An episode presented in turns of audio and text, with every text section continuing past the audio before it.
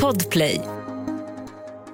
Välkomna till krimpoddarnas krimpodd Över min döda kropp med mig, Anna Jinghede och Lena Ljungdahl.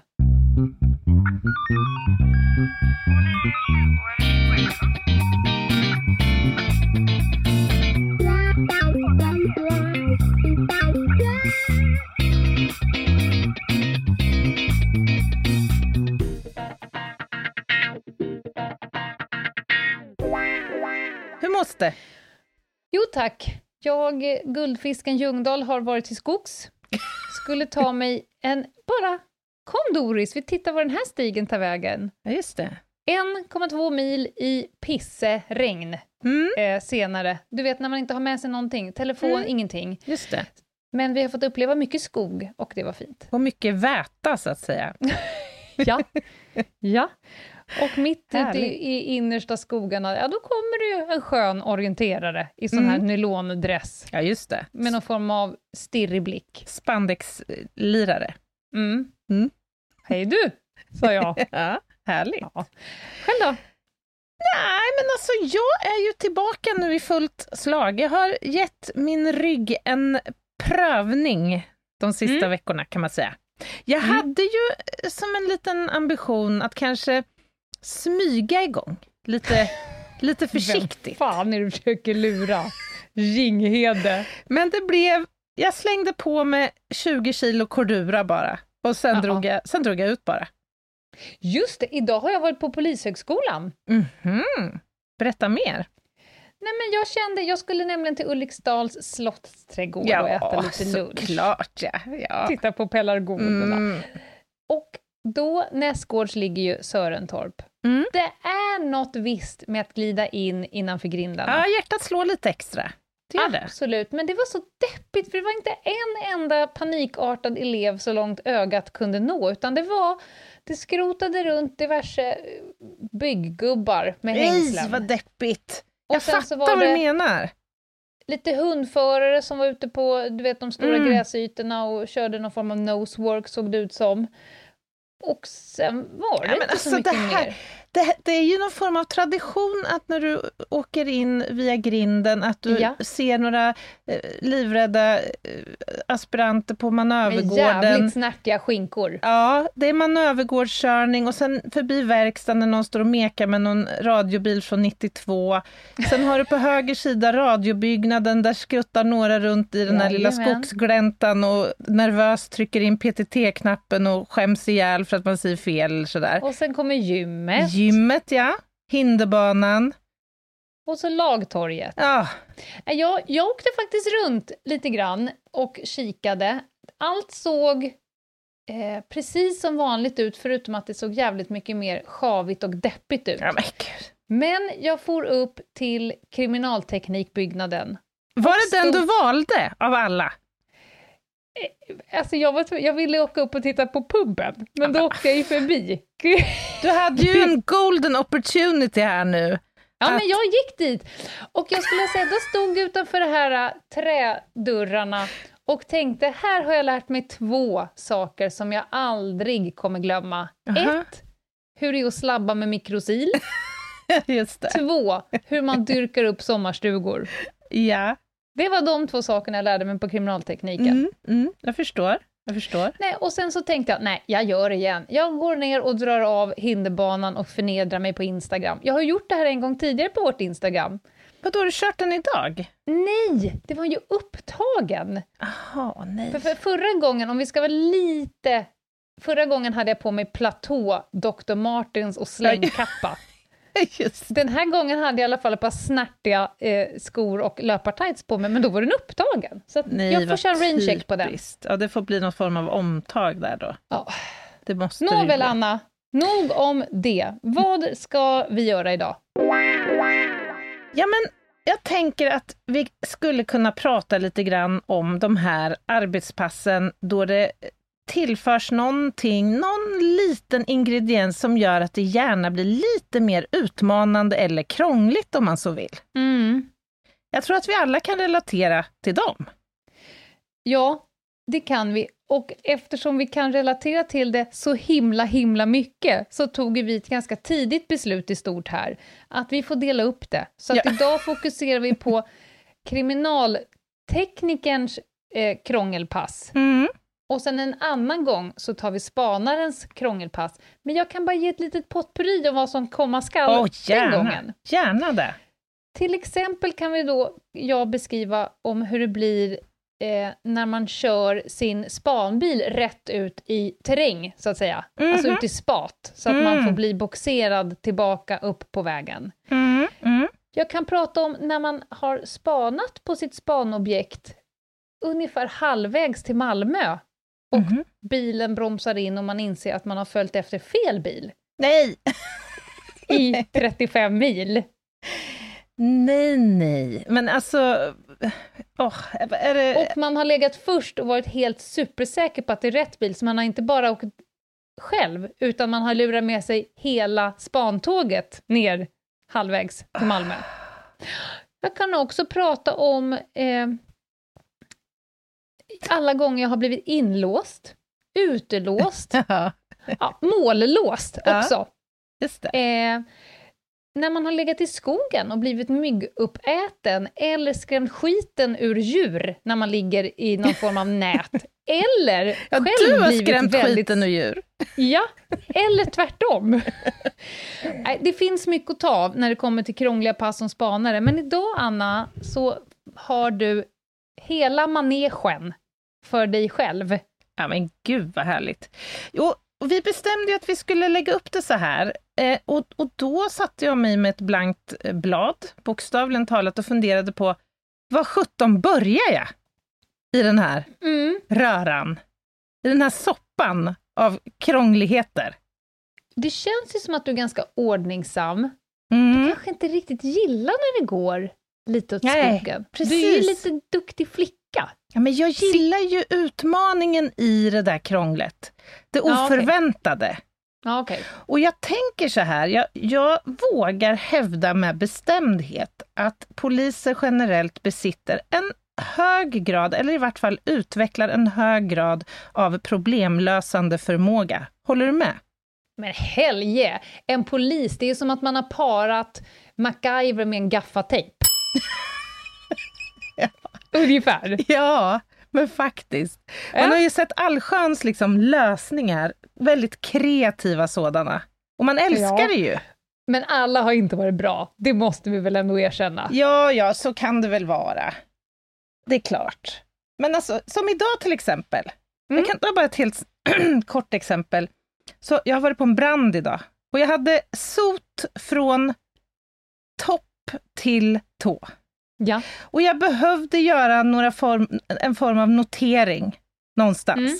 Det var liksom inte läge att ta fram ett vitt papper och skriva på min dokumentportfölj och bläddra Nej. upp någon form Det blir av... bläckplumpstest Ja, över hela. Ja.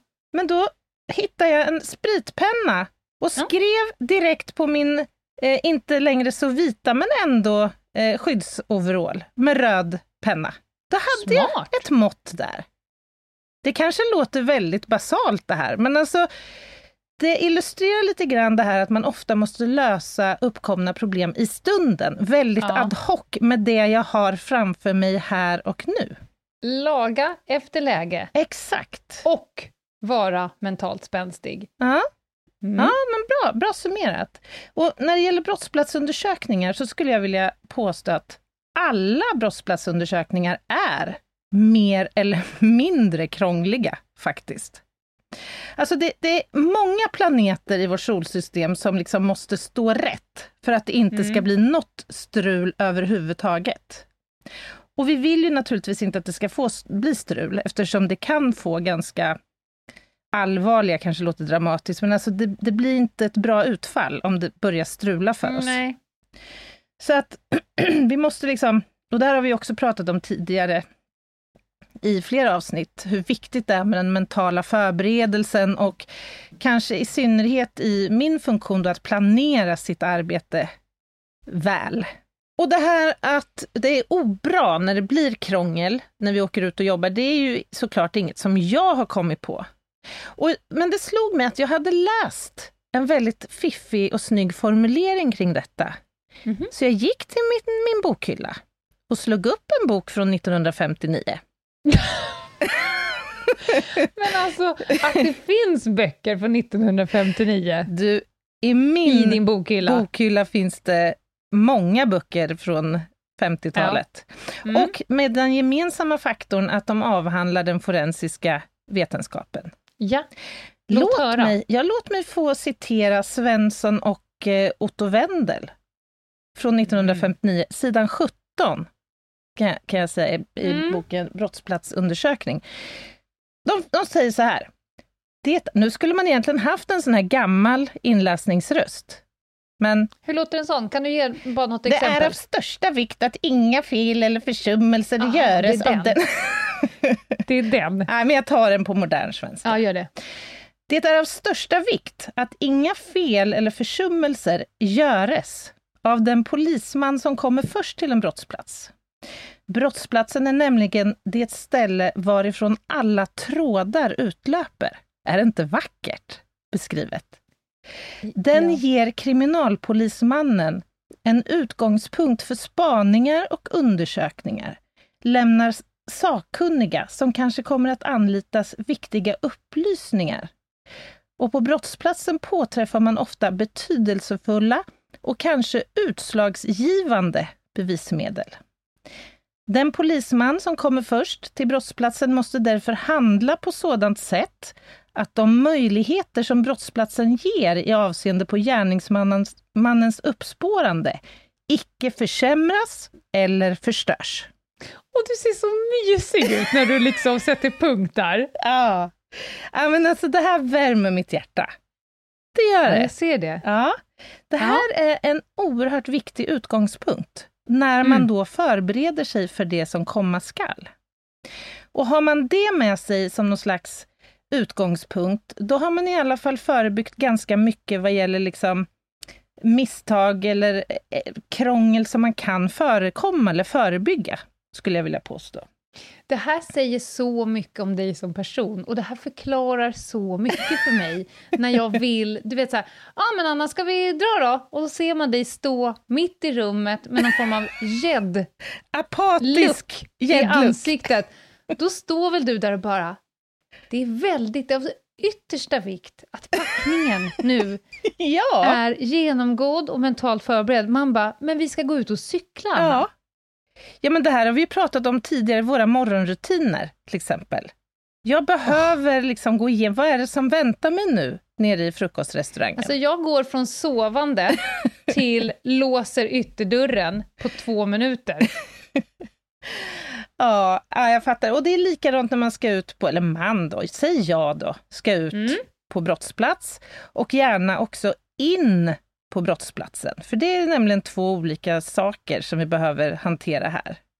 Alltså när man ska iväg eh, och göra en undersökning, då kan jag säga att det är cirka 3798 processer som samtidigt snurrar i ens huvud. Hur kommer vi in på platsen? Hur kommer det se ut på platsen? Vad ska vi packa? Behöver jag meddela att jag blir sen hemma? Har jag batterier i Men all... det kan ju du ha som standard. ja, det... Du kommer ju all... Betalar Polismyndigheten extra övertid till, till Anna? Nej, men det blir mycket övertid. Det Ja. gör det faktiskt. Nej, men det här liksom, har jag all teknik med mig som jag behöver? Har jag batterier så att det räcker till allt? Vad ska jag inrikta mig på när vi kommer fram? Är vi inlagda i ett fordon så det funkar när vi riktar upp på radion? Och sen kanske lite stress toppat på det här utifrån då, eller Mm. beroende på vad det är för typ av uppdrag vi ska på. Bara det här att hitta till rätt adress kan vara ibland en stor utmaning och förenas med krångel. Och du skrattar nu, men alltså vi får ibland åka ut på jobb i någon vedbod ute på något kalhygge på en adress som inte överhuvudtaget finns. Nej. Jag Det kan vara dig. En tv-mast som står någonstans vid den här, de här koordinaterna. En Mm, mast kan man i och för sig se på långt håll, men du fattar poängen här. Jag fattar. Mm. Eh, och, och till saken hör att vi har haft krångel med GPSerna i våra fordon. Och jag, eftersom jag inte litar på dem och eftersom det väldigt ofta inte går att få upp en adress så kör jag på den klassiska eh, varianten med telefonen. Telefon-GPS. Jag, trodde, jag trodde du skulle säga att du tar fram de gamla taxikartorna och bläddrar upp tre, två... Men det är ju en briljant idé faktiskt. Ja, jag ser utmaningar med tanke på att i alla fall Stockholms gatunät har ju ändrats ett par gånger sen kartan ja, det är tillverkades. Sant. Men det är lite, liksom lite samma fenomen med en GPS, om den inte uppdateras kontinuerligt, mm. då blir det ändå samma trubbel. Ja. Ja, hur som helst, det kan ibland vara lite krångligt liksom att överhuvudtaget veta var ska vi någonstans och är det här verkligen rätt? Sen när man då är på plats, då är ju en ambition att liksom försöka då ta sig in på platsen. Och då händer det ju till exempel att eh, någon patrull har bytt cylindern i dörren. Ja. Mm. Och det har ju oftast gjorts med ganska stor framgång, vill jag hävda. Men det har mm. också mm. hänt att den är felmonterad eller att liksom originalcylindern krånglar så att man står där och liksom till slut nästan forcerar dörren för att ta sig in. Det har hänt mm. att jag har fått ringa låssmed för att mm. kunna forcera en poliscylinder för att ta mig in på ja. platsen. Och det är lite olyckligt. Det kan också vara svårighet att komma in fysiskt på ett område där vi ska göra en platsundersökning. En flygplats till exempel. Det är inte bara för oss att säga att dundra in, som man kan tro, utan det där liksom fordrar lite förarbete. Det blir jobbigt om kriminalteknikbussen rullar in på landningsbana 42. Exakt. Ungefär samtidigt som det kommer plan från Ibiza. Precis. Precis, det är dumt. Det kan också bli lite frostigt på, i bevakningscentralen. Alltså det kan bli lite dålig stämning i flygtornet, tror jag. Framförallt. De har precis, de har precis gett landningstillstånd till flight 24-7 Bertil från Ibiza och så rullar Sky med bussen in kan jag få berätta en liten anekdot? Gärna. När det blev lite stressat i närheten av Arlanda. Vi mm. hade eh, fordonsövningar mm. på Arlanda Test Track 2, mm. där man mm. kör satan. Man bränner däck helt enkelt. Mm. I samband med detta så hade vi, eh, det blir en speciell typ av fordonsutbildningar för spanare eftersom man sitter själv och kör extremt aggressivt men inte syns, ish. Mm. Eh, så då hade vi gjort lite spanövningar, jag ska inte berätta riktigt hur det går till, men en, en figurant ligger då i närheten av sin bil ute i skogen och har någon form av mask på sig. Mm. Eh, och sen är det någon som ska spana och öva på honom. Mm. Då ligger han ju ganska nära eh, spåret där Arlanda Express fladdrar förbi. Mm. Mm. Ja. Då helt plötsligt, och jag står ju mitt på, på manövergården och bara dirigerar eh, liksom övningen. Mm. Helt plötsligt så bara Få, få, få, kommer en helikopter. Mm -hmm. Tänkte, fan vad är de intresserade över just ah. det här skogsområdet här nere. och sen så kommer det du vet, radiobilar ställer sig utanför grinden. Mm -hmm. Känner jag bara, hmm. Då visar det sig att alla stjärnor stod fel denna dag, yeah. apropå krångligt. Mm. Då har ju precis just den dagen har det kommit in ett tips om att någon ska kapa en värde eh, mm -hmm. liksom, leverans Sådär, ja. till mm. Arlanda. Så det tipset ligger som grund. Mm. Det kan ske någonting på Arlanda idag. Perfekt. Samtidigt så är det då en eh, pilot, höll jag på att säga, vad heter de som kör tåg? Lokförare? Konduktör. Nej! En lokförare? En lokförare, var precis det jag var ute efter. Har ju då sett hur det ligger en skum man i mask med något vapenliknande föremål ja. i skogarna utanför Perfekt. Arlanda. Jättebra. Perfekt! Och larmar hit och dit. Så innan vi lyckas få... Och du vet när man går upp till staketet och det står någon iberstressad person, mm. polis, mm. med totalt tunnelseende. Mm. Och då ville ju de bara komma in på området och de kunde inte koderna eftersom vi hade hyrt stället. De ville komma in på området för att jaga och innan jag får kontakt med frontalloben på denna person och bara mm. visa mitt lägg, det är polisövning, mannen i skogen är vår, vi har glömt anmäla, alltså det var ju sån jävla skamkudde på oss för att vi inte har liksom, men ja, vi visste inte då att det var ett värderån som skulle ske och att eh, den här lokföraren stressen på så Ah, många olika plan. Gud, och alltså. krånglet innan bara pl- ta bort helikoptern härifrån. Och det här är inget brott. Ja, Åh, ja, men jag kan liksom nästan känna det påslag som blir Ja. en sån situation. ja. Vår fördel är ju återigen att vi har ju sällan bråttom i alla fall. Mm. Men om det, om det blir svårt för oss att komma in, om vi ska till exempel till ett annat land och jobba. Vi har till Mm. exempel eh, exempel på DVI, alltså identifieringsoperationer i andra länder, Mm. eh, som har medfört att vi har åkt ut och inte fått komma in för att göra jobbet. Mm. För det är en jädra massa liksom, byråkrati och eh, regler för det där. Ja, fy fan. Jag har Och, pratat ja. med, med Säpo-livvakterna som tar, har hand om poli, politikerna. Mm. Alltså alla papper som måste hanteras och de Ah, ja. åker ju runt i...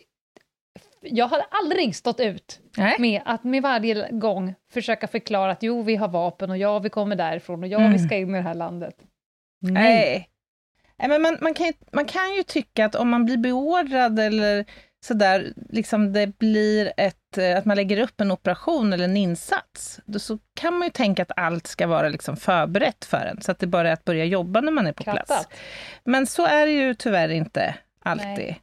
Och, och det behöver, där behöver man ju inte åka utomlands för att upptäcka. Alltså vi kan ju komma ut till en plats och upptäcka att här har nog kommunikationen brustit lite grann. Platsen är inte fysiskt avspärrad till exempel, så det kan stå då tre vittnen och två målsägare på en plats där Mm. ett grovt brott precis har skett.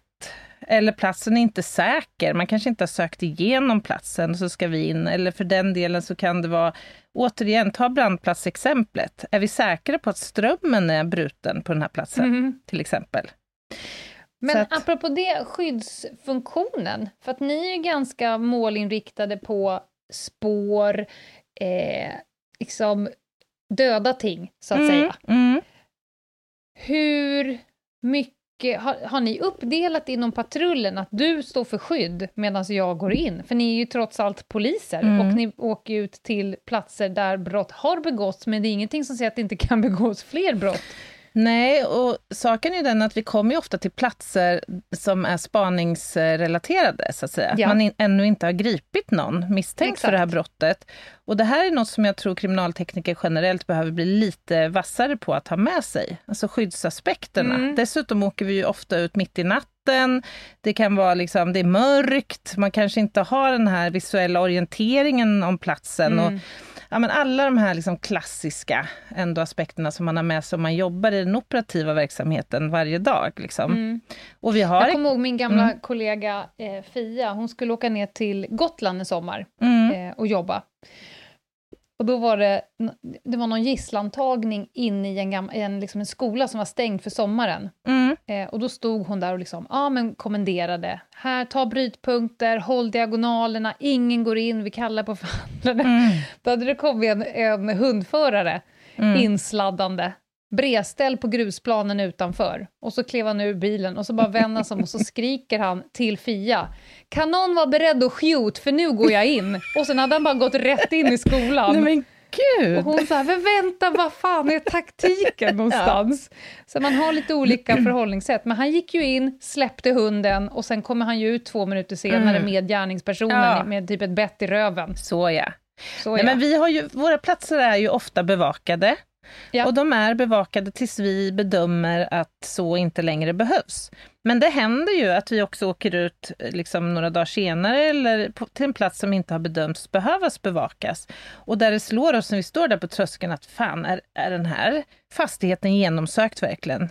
Det var inte så många veckor sedan som jag och min kollega fick göra ett loksök till exempel. Alltså söka igenom. Och det, var, det måste ha sett ut lite som en sketch på, på avstånd. För att det, det är liksom inte varje dag man gör det. Ja, i alla fall. Och gud, nu såg jag framför mig han Kato i Rosa Pantern. ja, det var så jag kände mig. ja ja. Ja, nej men sen har vi såklart miljöfaktorerna. De kan ju ställa till det för oss. Kommer vi fram mitt i natten och vi ska fota till exempel, då är det ett jädra mankemang. Det är stativ som ska fram och det är ljusmaster som ska upp flera, flera meter upp i luften.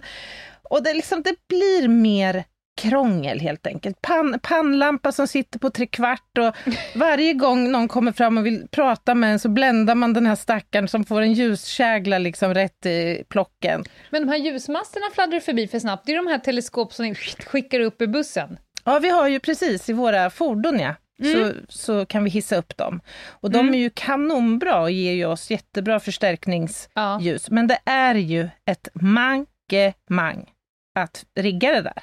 Det är liksom inte ja. bara att skutta upp på taket och, och montera masten och sen köra på. Det tar säkert ja, minst en halvtimme bara ha fått ljus.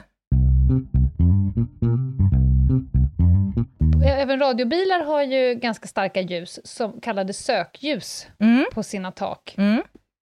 En, det, det, kan hända att undertecknad i skydd av mörkret skutta ut från bilen för att eh, dra ner byxorna och rasta Roffe, så att säga. Mm. Mm. Det kan också hända att min kollega ja. drar på sökljuset ja. så att man får en svinstark ljuskägla på sin kritvita röd Jag tänkte säga, det blir en, skogen. En, en vit, väldigt stark ljuskägla mot en vit rumpa, ja. Mm. Mm. Det kan också hända att den kollegan sedermera blev eh, någon form av domare i gladiatorer. Oj! Ah, ja. Jag fattar. Jag tror jag vet vem vi pratar om. Vem vi baktalar, så att säga. Mm. Ja, men, Baktalar. Jag skojar. Ja, precis. Eh, alla väder i vårt eh, avseende är dåliga på sitt sätt, skulle man kunna säga.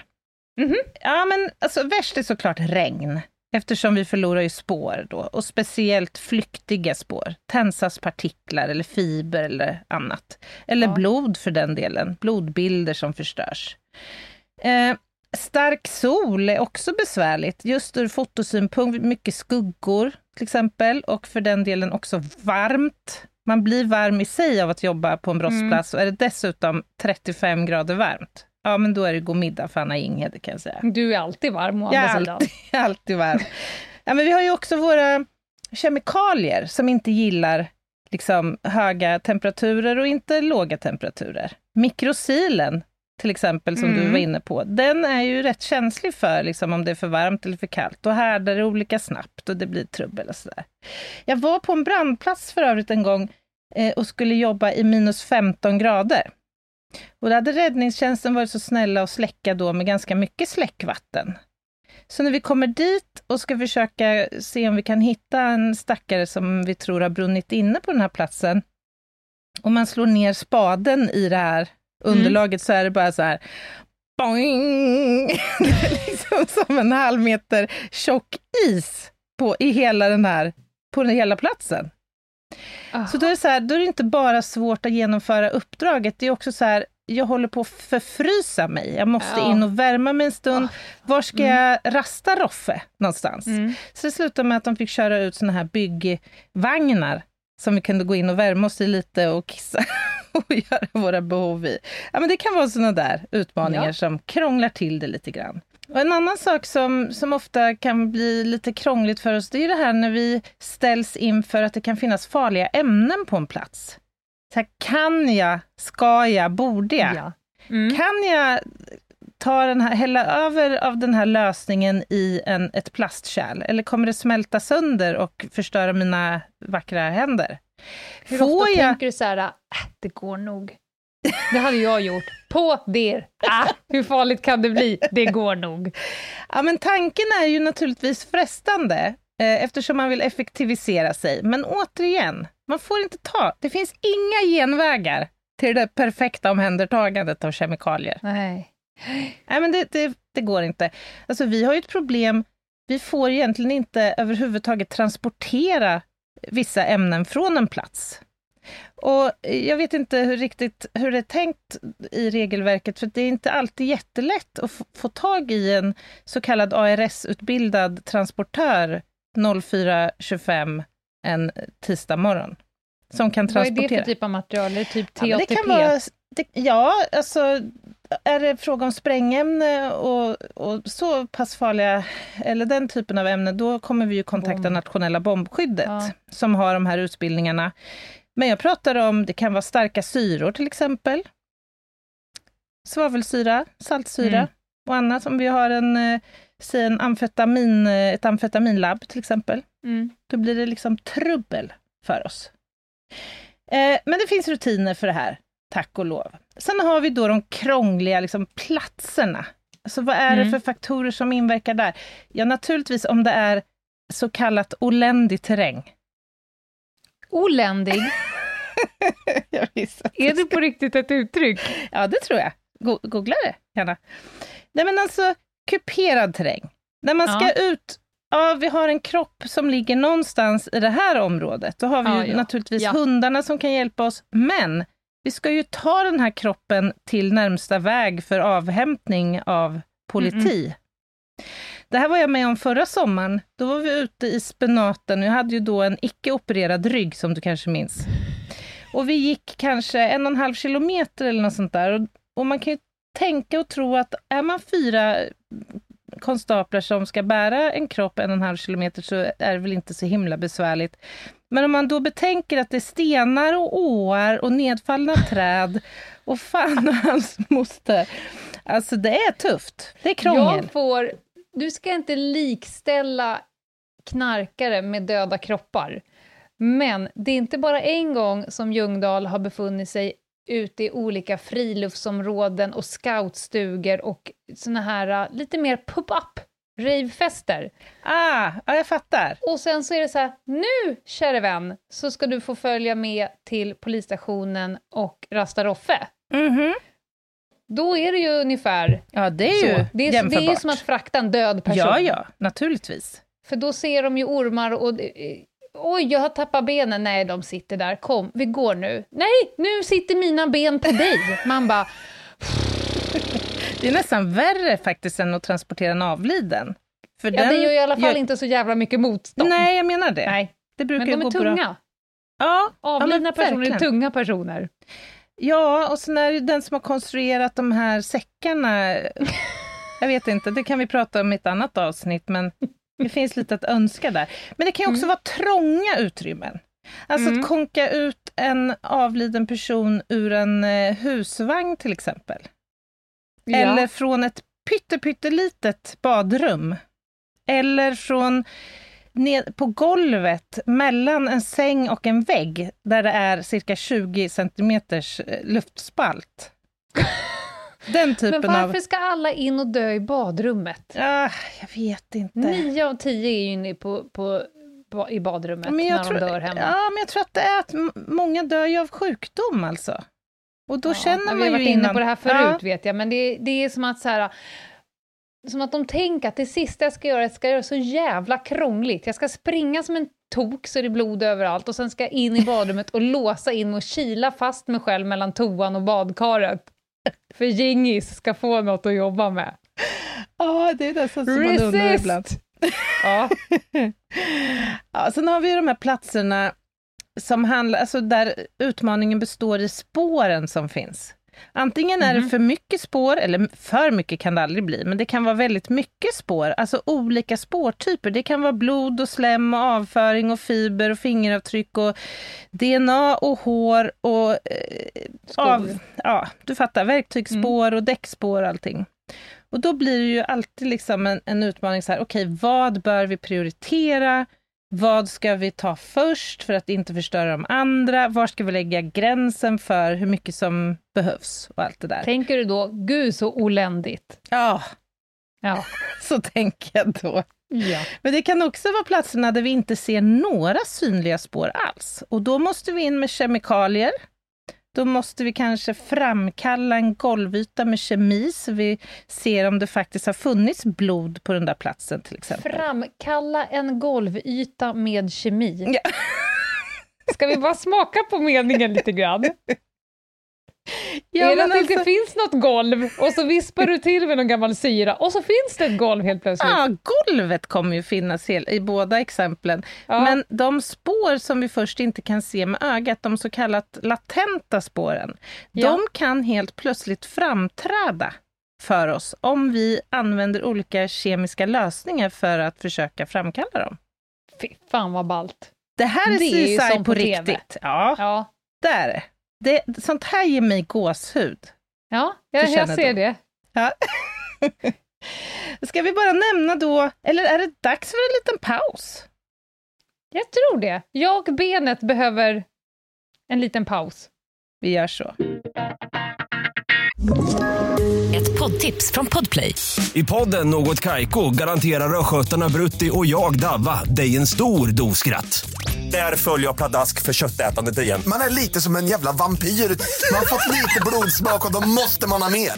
Udda spaningar, fängslande anekdoter och en och annan arg rant. Jag måste ha mitt kaffe på morgonen för annars är jag ingen trevlig människa. Då är du ingen trevlig människa, punkt. Något Kaiko, hör du på Podplay. Därför är gardinerna. Välkomna tillbaka! Det är krimpoddarnas krimpodd ni lyssnar på och det är avsnitt 133 och vi pratar om CSI all over the place. Mhm, Vart ska vi nu, mhm. Anna? Jag tänkte jag skulle exemplifiera utmaningen och krånglet som kan uppstå på bränder, på brandplatser. Mm. Vi kan börja i änden skyddsutrustningen. Ja. Vi går ju inte in på platser som, där vi inte kan andas eh, frisk och fin luft och eh, vara säkra på att det inte kommer falla ner något över oss utan skyddsutrustning. Eh, men det, det här medför också vissa utmaningar för oss. Alltså för det första, om man nu behöver ta cirka 400 foton kanske på en plats, ja. och man ska då göra det inpackad i en helmask med ventilationspaket. Som det blir lite imma och lite sot på. Och man är varm och törstig. Och man kan inte ha sina glasögon på insidan, för de får inte plats. Och så Nej. ska man samtidigt ta 400 eh, bra bilder, kvalitativt bra bilder i en kolsvart miljö utan några som helst kontraster. Mm. Föreställ dig... Det låter som ett riktigt drömfotouppdrag. Ja, ja, verkligen. Man går, wow, det här! det här är drömmen, tänker Är det man. Som har varit här och kört Ja. några? Jaha. Sen blir ju dessutom synfältet liksom reducerat, för du har den här masken och du har en liksom slang från masken till ett stort filterpaket på ryggen. Gud, jag Så- ser bara pestilensdoktor framför mig. ja, ja, men föreställ dig pestilensdoktorn så är du ganska nära hur Mm. det ser ut.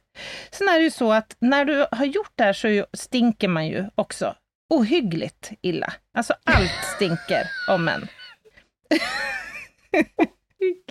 Ja, men Ja. rakt igenom till småbyxa alltså. Det är dessutom ganska farliga platser. Ibland kan det vara en murstock som står och liksom nästan gungar så här, eller ta, en takkonstruktion som sviktar, så man får börja med att stompa upp, som det kallas, hela takkonstruktionen så vi ska våga gå in. Spåren har dessutom ofta brunnit upp för oss. Så att här gäller det liksom att vara ganska kreativ. Har vi riktig, riktig otur så har också då räddningstjänsten valt att låta kanske hela fastigheten brinna ner till grunden.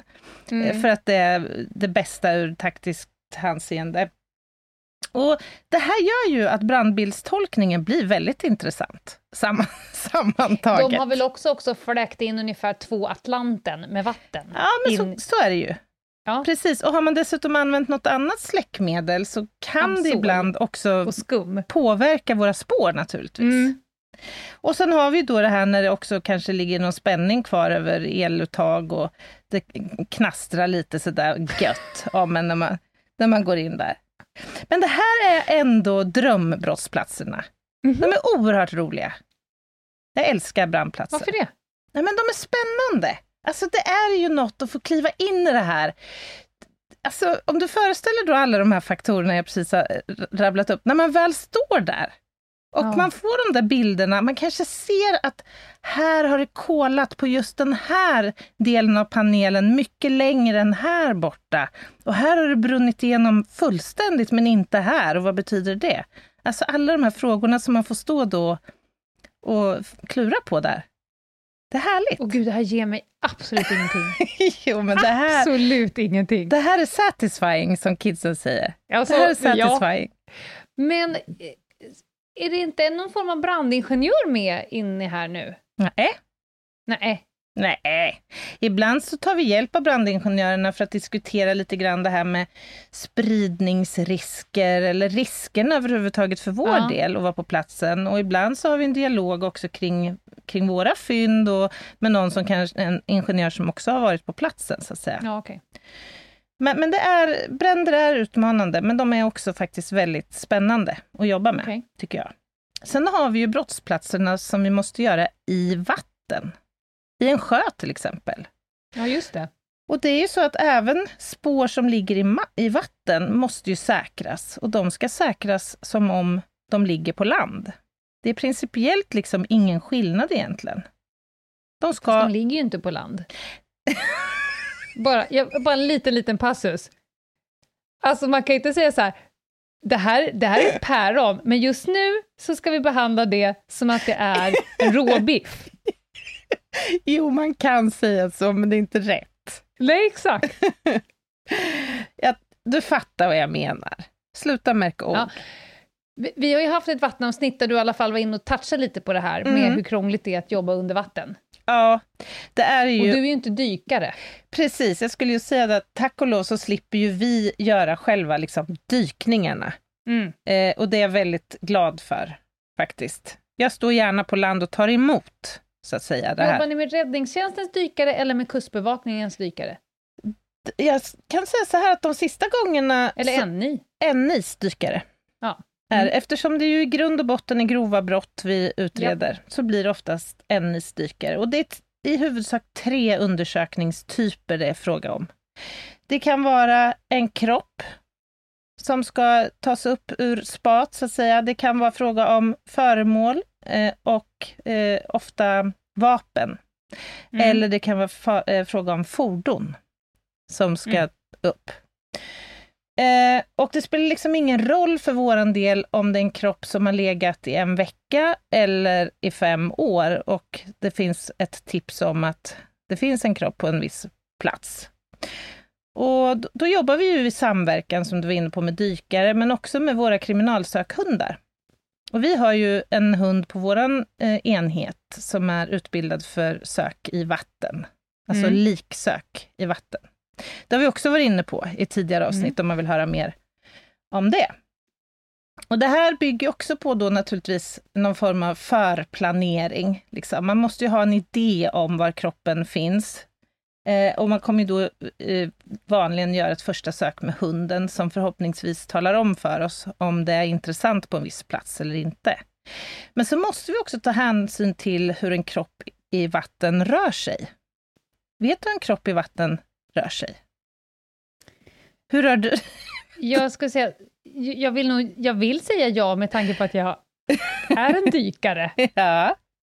Nej, men, eh, jag ska tillägga nu att det är fråga om en död kropp, en avliden kropp. Ja. Alltså det vanliga är att kroppen landar först på Mm. botten.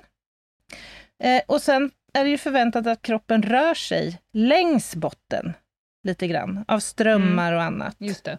Och det här är ju också ett moment som faktiskt kan orsaka skador på kroppen. Så det måste man ju ha med sig sen vid obduktionen, Mm. bland annat. Sen så kan ju kroppen stiga till ytan. Det känner vi till. Det är inte Ja. alltid det sker, men det kan ske och då sker det ju till följd av eh, att gas har byggts upp. Gastrycket är uppbyggt inne i kroppens hålrum, Ja. i bukhålan och så, Ja. i de inre organen, tarmpaketet. ja jag, jag tänker bara på fredagstacos. Jag vet, jag vet. Ja. Och då kommer kroppen upp till ytan och då kommer den också kunna röra sig längs ytan en bit Mm. för att till slut sjunka på nytt. Så att det innebär ju, om det finns en sista iakttagelse eller en hund i ett tidigt skede har gjort, visat ett förhöjt intresse någonstans, så måste man också ha då i beräkningarna när man väl, väl gör dyket sen, att kroppen mycket väl kan vara förflyttad. Ja, i Kim Wall-ärendet så tog de ju in såna här havsströmningsexperter, Ja, heter det. de inte, men du förstår vad jag Ja, menade. Jag förstår vad du menar. Som hjälpte till och bara, i den här sektorn kanske, sett till hur väder och vind har betett sig Mm. under en period. Ja, men exakt. Och det var, Mm. ju, det var ju ganska stora avstånd Ja. man kunde eh, liksom man kunde kartlägga betydligt mycket bättre var kroppen sannolikt låg. Det här är ju en sak som jag älskar med, eh, med utredningsarbete. Mhm. Och den här totala samverkan, Mm. att man kan behöva liksom använda åtta olika expertiser, Mm. både internt och externt, för att Mm. få komma fram till någonting. Det är också härligt ju. Ja, För att man lär sig ju otroligt Mm. mycket av den där processen. Mm. Verkligen. Och det är ganska kul att se hur andra jobbar och, och folk som är proffs på sin grej. Mm. Ja, men ta dykarna till exempel. Det, är, det har ju något, det där, när de här pojkarna kommer från NI. Kasta. Men det Kasta har på ju sig. ingenting med expertis att Jo, göra, jo, de är oerhört kompetenta. Oerhört kompetenta Och snälla. och snälla Och och snälla. duktiga. Ja. Ja, men jag tycker det är härligt. Eh, och det här är ju, medför ju en del krångel och utmaning naturligtvis. För det första så kan vi ju inte spärra av platsen som vi kan göra på land. Det är ju ganska Nej. givet. Eh, men platsen kommer markeras på botten. Ja, om det då är möjligt så att säga. Men i grunden Hur då? det. Ja, jag vet faktiskt inte riktigt vad det är de använder. Det måste ju vara något som väger lite. Fy fan vad du är smart. Tänker du något med kanske lite tyngd? alltså, du borde bli typ kriminaltekniker. Otroligt roligt. Nej, Vilken kul fråga, jag har faktiskt aldrig varken Eller tänkt ska man eller behandla det frågat. som om det vore på land? Ja, man ska ha en kon killar, i innan vi ska plast. sätta ut den här markeringen under vattnet, tänk att ni är på land. Ja, men du fattar ju vad jag menar. Det är Ja. något... Ja, vad vet jag? Nu fick du precis en läxa. Jag vill att du tar reda på hur de märker ut platser på botten. Ja, det ska jag. Jag lovar. Mm, Jag bra. lovar. Det ska jag Du ta kanske reda får på. möjlighet att ringa någon pojke, eller vad du nu kallade dem Ja. på NI. Det tror jag nog Research. att jag behöver göra. Ja. ja, och sen har ju utmaningen då att spår naturligtvis förloras. De spår som fanns på kroppen från början kommer ju liksom ganska snabbt försvinna och det, är ju, det försvårar definitivt. Sen har du ju det här med foto återigen. Det Mm. är inte supersmidigt eller Nej. tacksamt att fota liksom med en grumlig kärn. Nej. Det blir inte bra bilder. Jag har tagit foto så många gånger när jag har dykt, när man har upplevt fantastiska saker. Det blir inte riktigt samma sak när man... Det blir inte riktigt. Som det man ser live, nej. Nej. Nej, jag förstår det. Sen ska ju då kroppen packas i liksäck och det görs i vattnet Mm. eh, av flera skäl. Eh, och det är ju för det första att skydda kroppen så mycket som möjligt och få med så mycket som möjligt liksom, av de eventuella spår som finns på den. Sen är det ju ofta liksom, media och allmänhet som står och Ja. betraktar det här, så att det finns ju etiska naturligtvis aspekt, eh, aspekter också. Eh, och så gör man ett sök i närområdet runt kroppen för att se om man kan hitta smycken eller tillhörigheter eller annat som man kan ha då tappat, så att säga, eller som kan ha lämnat eh, kroppen eh, under rörelsen, så att säga. Sen har vi det här med höga höjder. Det är också lite utmanande. Det händer Ja, att... det minns jag. Eller, jag. Jag minns att du sa att jag är på fall, fallskyddsutbildning. Just det! Och det här är en, sp- en spännande grej, för att vi går ju då på fallskyddsutbildning. Och när behöver man det då? Jo, om man ska göra jobb på högre höjd än två meter. Och det är Mhm. inte särskilt högt. Så- Nej. Egentligen när jag ska upp på taket på, på Forden för att rigga den där masten, då ska det kopplas på ett fallskydd. Hur ser det ut? Alltså det här är ju som en sele va, som man kliver i. Och så måste Mm. man ju då förankra sig på höjden. Ungefär som takskottarna. Ja, exakt. Mm. Men det är bara det att det är ju inte varje dag man gör det här. Så Nej. när man sen står där med den här högen med linor och kopplingar och karbinhakar och tyngder och allt möjligt. Så, här, fan var det nu jag skulle göra det här? Och då finns det ju tack och lov alltid någon i gruppen som har bra koll på det där. Men det kan ju vara till exempel att man tror att någon har slängt ner något i en skorsten eller fallit från en hög mast till exempel, eller något sånt. Och man måste upp och liksom inspektera det här. Vi måste ju upp. Och om vi inte kan lösa det här själva, då får vi ju jobba i samverkan återigen. Och då är det ju ofta räddningstjänst som kan hjälpa oss och Mm. lyfta upp oss, till exempel. Ja. Eh, och jag har ju haft några sådana här lite spännande jobb. Vi har ju berättat om det i en annan podd, till exempel det här att göra brottsplats på eh, en flygmaskin. Alltså hur tar man sig upp på en flygplansvinge till exempel? Det är inte Mm. bara så att man liksom skuttar upp, faktiskt. Hur gjorde så, du då? så det får man ju lösa. Ja, men I det här fallet så fick vi in eh, flygplanet i en, eh, vad heter det? En Hangar. hangar, heter det. Och där fanns det lyftdon som kunde hjälpa oss. Så vi kom upp. Ja. Fick åka säkert upp. Ja, men det kan vara den där typen av utmaningar. Och sen har vi ju då avdelningen, hur fan funkar det här egentligen? Och då kommer jag in på, flygplansexemplet är bra. Därför att alla observationer och iakttagelser vi gör på en viss plats ska vi ju sen redovisa på ett proffsigt sätt. Och det innebär att jag kan ju behöva läsa in mig på ett flygplans anatomi, så att säga. Jag måste ju förstå vad delar heter för att kunna redovisa det här på, på ett bra sätt. Eh, jag har jobbat med ett ärende som rör en lyftkran. Eh, en person faller ur en lyftkran som har tagits upp på väldigt hög höjd. Hur funkar en lyftkran? Vad heter delarna på en lyftkran? Hur manövreras den? Vad är det för maxbelastning och allt det här? Eh, härom sisten så fick jag jobba med ett case som innefattade elektromuffar. Har du mycket på elektromuffar? Elektromuff. Mm, Eh, inte diskomuff. Är Elektromuff. ja. ja, men alltså det är, det är i sig utmanande, men det är också väldigt roligt. Väldigt, väldigt roligt. Är det helt uteslutet att vi tar ett helt avsnitt om elektromuffar? Alltså jag tyckte att vi fladdrade förbi den alldeles för lätt. Jag med! Är det liksom, är det ett ting? Eller kan jag Ja. känna mig lite elektromuffig? Det kan du säkert göra under, under rätt betingelser. Men, men alltså en elektromuff är någonting som man trär på ett rör som ska svetsas med eh, elsvets. I elektromuffen Ja. sitter kopparslingor som eh, belastas med en spänning. Och då kommer de smälta vid en viss temperatur. Och, och, Och hur kom denna in i ditt liv? ja, men alltså, ja, men jag har varit på en brand där Okej. det här har varit relevant, så att säga. Men det kan vara många andra saker också också. att- men...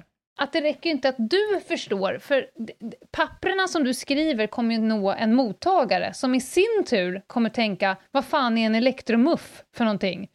Ja, det kommer ju exakt. bli ett googlande ända upp i högsta domstol, så kommer det sitta någon eh, juridikkunnig person och fundera på, vad fan är en ele- elektromuff för någonting? Ja, men så är det ju. Och det har vi också varit inne på tidigare, att om man inte re- lyckas redovisa det här på ett begripligt sätt, då kommer ju risken öka att jag blir kallad att vittna, till exempel, och det kommer uppstå missförstånd. Så det här är Mm. ju superviktigt. Men också, återigen, väldigt kul ju.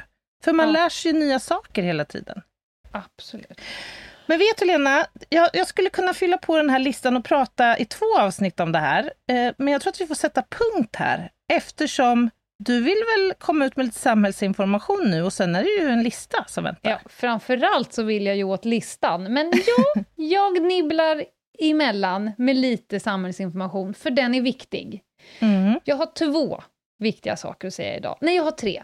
Jag drar till med en tredje. Ett, tack alla ni som har gått in i Podcaster-appen och skrivit recensioner sista dagarna. Vi har läst dem allihopa. Mm. Det gör att vi fladdrar upp i algoritmerna och hamnar på olika ställen i appar som gör att fler hittar till oss. Så det är dubbel effekt. Vi blir glada och folk hittar till appen och de blir glada. Mm. Eller till podden. Ja. Mm.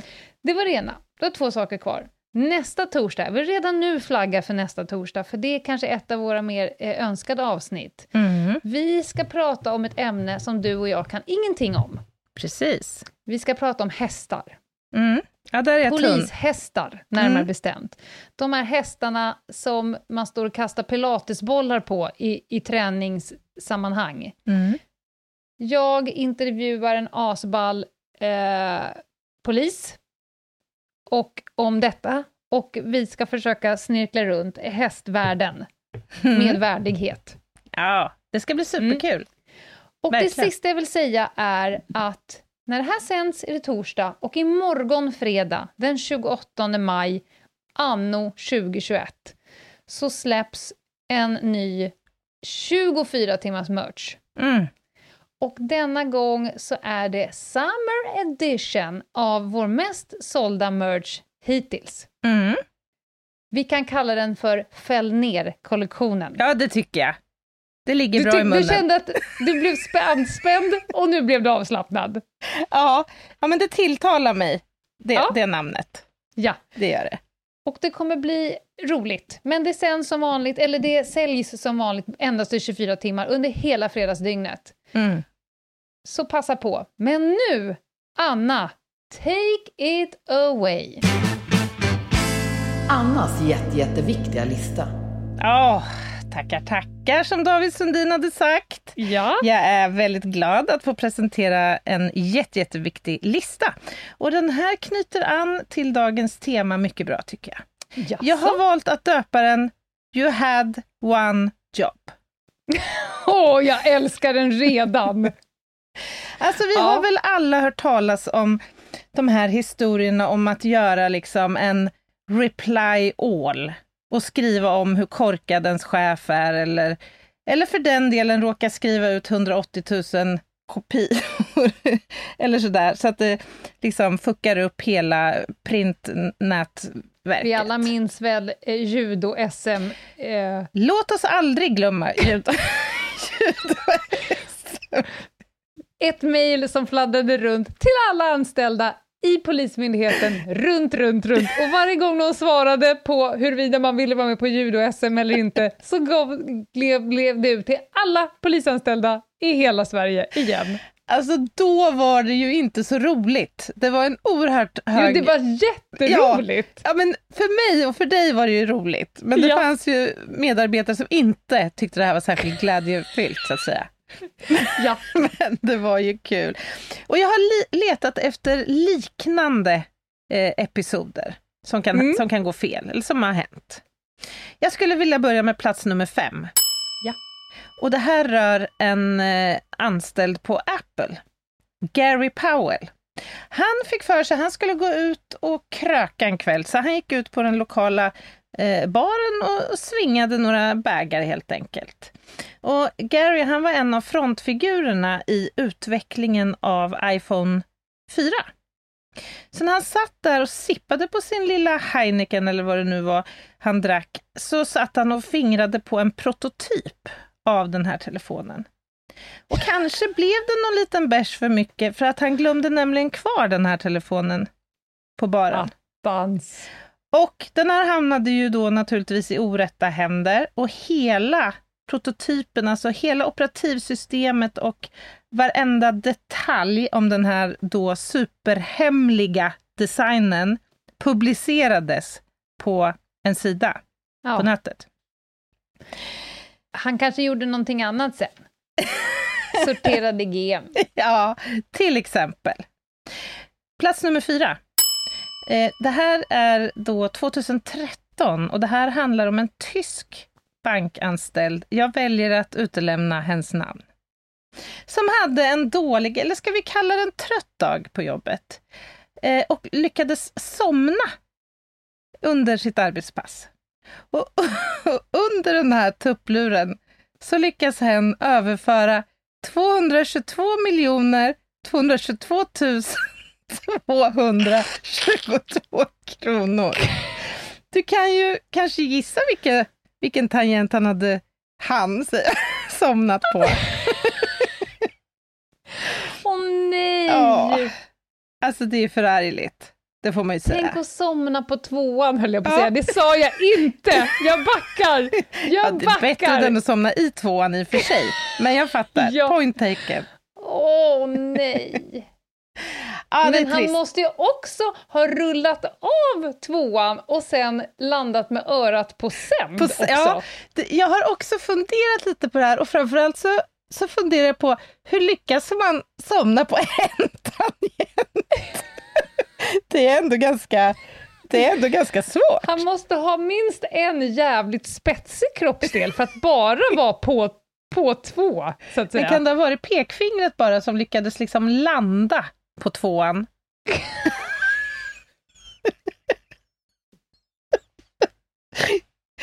Jag tror vi går vidare. Till plats nummer Ja. tre. Nu ska vi prata lite grann om Sarah Demps- Dempster, Ja, som var en eh, recensent av eh, konserter på 90-talet. Och hon skulle recensera en Meatloaf-konsert för en viss tidning. Så hon skrev då en riktig rackabajsar-recension här och betygsatte väl då antar jag låtarna sådär, du vet, fem plus för den låten och tre plus för den och Mm. sådär. Ja, så skickade hon texten till redaktören på tidningen och tidningen gick i tryck. En timme efter att tidningen hade gått i tryck så ringde då eh, tidningens chefsredaktör upp och informerade henne om att den här konserten hade ställts in. Nej, nej, nej. Hon hade alltså gjort en fuling. Jag tänkte skriva recensionen liksom. Fy fan alltså. Alltså den är inte kul. Det, Jag tror att hon skulle behöva jobba lite med sin cover story i det här fallet. ja men faktiskt. Skapligt tungt samtal också. Du, den här konserten du recenserade. Man får ju vara jävligt mentalt spänstig om man där och då ska komma på liksom vägen ur. Ja, verkligen, verkligen. Åh, är du Ja, redo menar för... den Meatloaf? Ja. Alltså jag var på en annan Meatloaf. Jag måste ha till fel köttfärslimpa. Jaha! ja, det är ju underbart. Den hade nog jag kört. Ja, jag hade köpt den. Oj, oj, oj. Är du redo för plats nummer två då? Ja. Mm. Låt mig introducera dig, Lena, för eh, David Banks. Han eh, var också redaktör på en tidning och han satt en kväll och korrekturläste Dagens Blad, så att säga. Och då lät han en reklamstripp för Volvo passera igenom. Mhm. Det var bara det att han tittade inte så noga vad det stod i den här reklamstrippen. Eh, och någon hade då jobbat med autokorrekt. Och varje Volvo hade ersatts med vulva.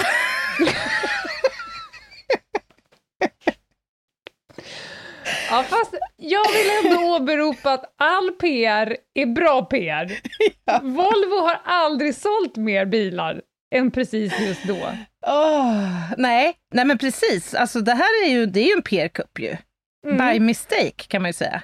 Ja, det måste det ju vara, för det brukar vara så här, Volvo, hela, hela familjens favorit. Förstår du? Eller vulva, jag rullar. Eller?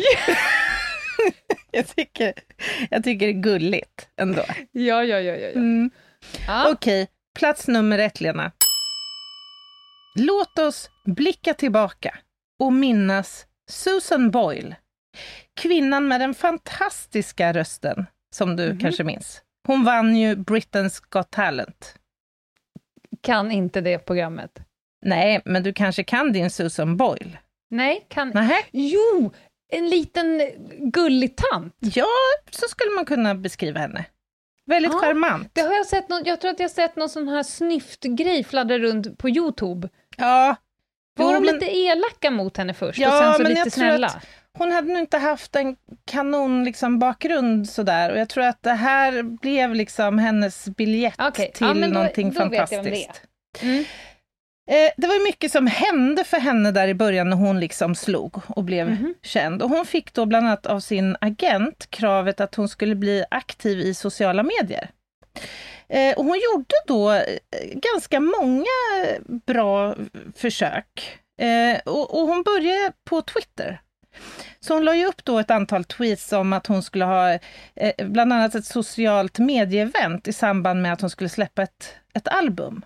Mhm. Och hon skapade då taggen eh, Susan Boyle Album Party. Och den, den liksom återkom den här taggen om Mm. och om, och om igen. Men så händer något då i den sista, det som kom att bli hennes sista tweet inför ett ganska långt uppehåll från Twitter. Mm. Eh, och då blev det lite tokigt i taggen, så hon taggar Mm. då istället Susan Album Party.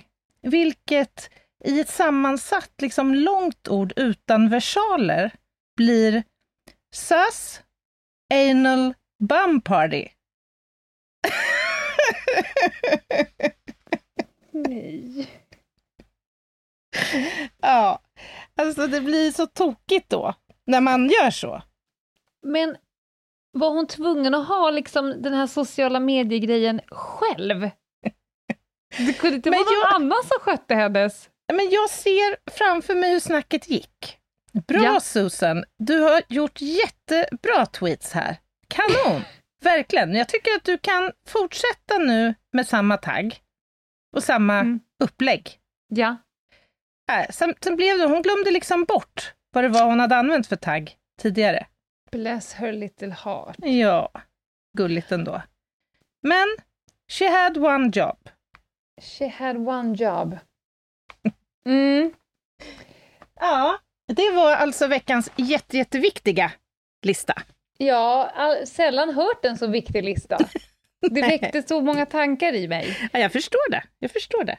Framförallt så funderar jag på om jag ska mygla in någon rolig tagg på vårt Insta-konto på, på torsdag. Se om du märker något. Jaha, testa mig. Ja. ja, men kul Anna. Då laddar vi för eh, fredagsmerch imorgon, 24 timmar, och sen är det live på Instagram eh, kvart över elva på lördag som vanligt på Ljungdahl och Ginghede. Podd på söndag, spaning på måndag. Ja, men fan! Så nu går vi och stretchar. Ja, det gör vi. Ta hand om er där ute. Ha det gött. Ha det. Bye! Bye,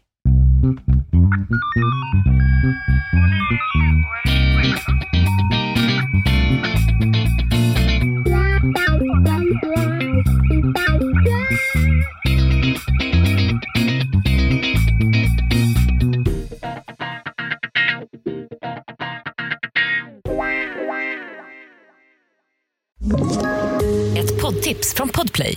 I podden Något Kaiko garanterar östgötarna Brutti och jag, Davva, dig en stor dos skratt. Där följer jag pladask för köttätandet igen. Man är lite som en jävla vampyr. Man har fått lite blodsmak och då måste man ha mer. Udda spaningar, fängslande anekdoter och en och annan arg rant.